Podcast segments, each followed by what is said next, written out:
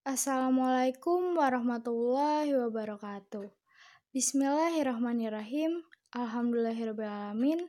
Wassalatu wassalamu ala asrafil anbiya'i wa mursalin Sayyidina wa maulana Muhammadin wa ala alihi wa sahbihi ajmain Amma badu Marilah kita panjatkan puji syukur kehadirat Allah subhanahu wa ta'ala yang telah memberikan kesehatan lahir dan batin kepada kita semua sehingga kita dapat diberi kesempatan untuk berjumpa kembali di Nuansa Podcast Kader. Salawat serta salam tidak lupa kita kirimkan kepada junjungan kita Nabi Muhammad SAW yang telah mengantarkan umat manusia dari peradaban hidup yang jahiliyah menuju pada peradaban hidup yang modern. Semoga kita termasuk hambanya yang taat, yang berhak mendapatkan syafaatnya di hari akhir kelak. Amin ya rabbal alamin. Teman-teman yang dirahmati Allah, pada episode kali ini saya ingin mengajak kalian untuk menauladani kisah Nabi Yusuf alaihissalam. Kisah Nabi Yusuf merupakan salah satu dari sekian banyak kisah yang tertulis dalam Al-Quran, yang tentunya penuh dengan hikmah yang luar biasa dan patut kita tauladani. Nabi Yusuf alaihissalam terkenal sebagai sosok nabi yang diberikan karunia kelebihan berupa memiliki wajah yang good looking atau sangat tampan. Tetapi tidak hanya tampan saja, namun Nabi Yusuf juga memiliki karakter yang Masya Allah, tidak kalah indah dari ketampanannya. Nabi Yusuf alaihissalam mengalami banyak perjuangan yang penuh tantangan dan kesulitan dalam perjalanan hidupnya. Hikmah yang dapat kita tauladani dari kisah Nabi Yusuf antara lain, pertama, keyakinan terhadap kuasa Allah yang tak tergoyahkan. Keyakinan seorang mukmin akan kuasa Allah ini diibaratkan dalam Al-Quran dengan bagaikan pohon yang akarnya terhujam kuat ke dalam tahan, ke dalam tanah. Artinya selain tertanam kokoh ke dalam tanah, juga tumbuh dengan kuat dan sehat, bahkan memberikan buah-buah setiap saat kepada lingkungan sekitarnya.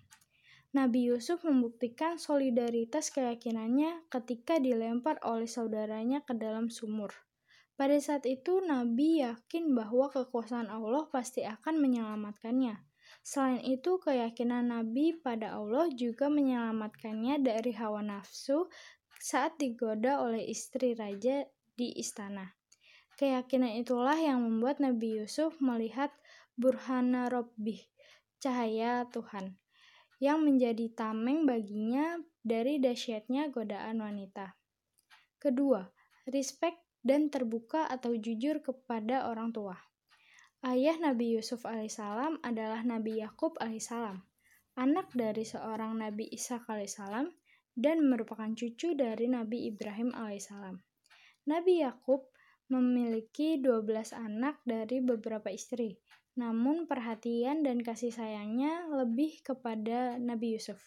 Hal ini disebabkan salah satunya karena memang Nabi Yusuf memiliki respek dan juga sangat cinta kepada ayahnya.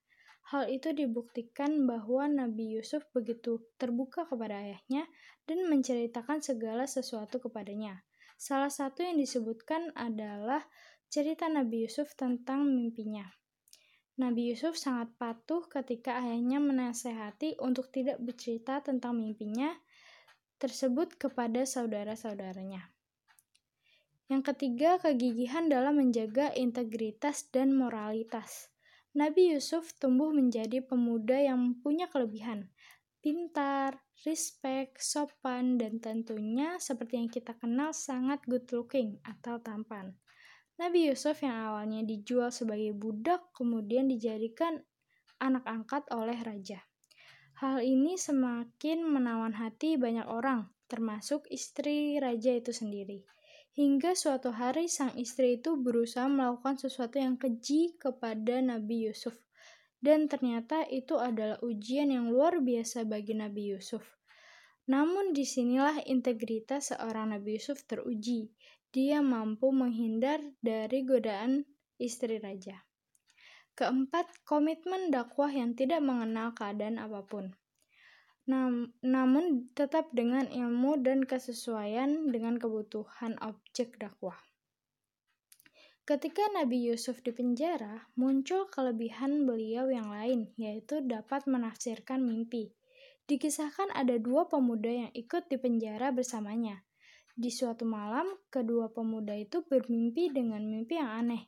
Kemudian, kedua pemuda tersebut meminta Nabi untuk menafsirkan mimpi mereka. Nabi Yusuf bersedia dan mempergunakan itu sebagai pintu dakwah. Komitmen dakwah Nabi Yusuf tidak mengenal keadaan. Artinya, dalam penjara sekalipun beliau menggunakannya untuk berdakwah sesuai dengan ilmu yang diperlukan, yakni ilmu tafsir mimpi dan sesuai dengan kebutuhan objek dakwah tersebut, yaitu keinginan untuk mengetahui arti mimpi. Kelima, melakukan pelayanan publik sebagai ibadah, namun tetap harus berdasarkan kapasitas masing-masing. Kedua pemuda sebelumnya keluar dari penjara dan keduanya ditakdirkan Allah berdasarkan mimpi masing-masing. Yang satu dieksekusi dengan salib dan yang satunya lagi bekerja di istana melayani sang raja. Pada tahun yang sama, sang raja bermimpi dengan mimpi yang aneh, bahwa ada tujuh sapi yang gemuk yang memakan tujuh sapi yang kurus. Para ahli tafsir mimpi istana tidak mampu memberikan tafsiran yang memuaskan sang raja. Pemuda yang bekerja di istana itu teringat kembali ketika di penjara, bahwa ternyata dalam penjara itu ada seorang anak muda yang hebat dalam menafsirkan mimpi, yaitu Nabi Yusuf. Hal itu disampaikan kepada raja dan sang raja setuju agar Nabi Yusuf dihadirkan ke istana. Singkat cerita, Nabi Yusuf menafsirkan mimpi itu bahwa akan terjadi musim panen yang luar biasa selama tujuh tahun. Lalu setelah itu akan terjadi musim paceklik selama tujuh tahun yang akan menghabiskan semua hasil panen tujuh tahun sebelumnya. Sang raja puas dengan tafsiran itu. Dia pun menawarkan kepada Yusuf posisi di istana apa pun itu dan Yusuf Nabi Yusuf menerima tawaran itu. Tapi penerimaan itu dipastikan sesuai dengan kapasitas dirinya yang sesuai. Dia pun meminta untuk dijadikan kabulok. Keenam, memiliki kelapangan dada untuk memaafkan saudara-saudaranya yang pernah ingin membinasakannya. Pada akhirnya, setelah melalui berbagai ujian, Nabi Yusuf berhasil membawa serta ayah, ibu, dan saudara-saudaranya ke Mesir. Nabi Yusuf memaafkan saudara-saudaranya yang pernah berusaha membinasakannya atau membunuhnya.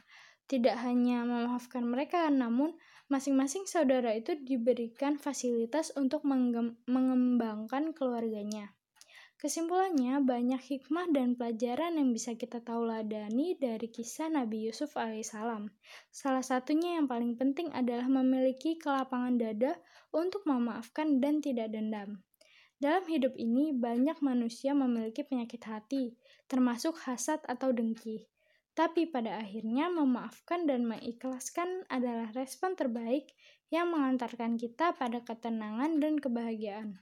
Walaupun Nabi Yusuf memiliki kelebihan berupa wajah yang sangat tampan dan berasal dari keturunan Nabi, hal ini tidak membuatnya terlepas dari ujian dan cobaan dari Allah Subhanahu wa Ta'ala.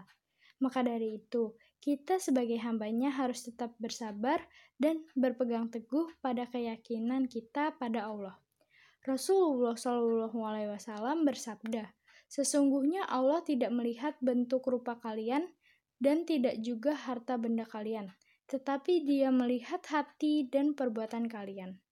Sahih Muslim nomor 2564 Sekian dari saya. Apabila terdapat tutur kata yang kurang berkenan, saya memohon maaf. Bilahi fisabilil haq, fastabiqul khairat. Wassalamualaikum warahmatullahi wabarakatuh.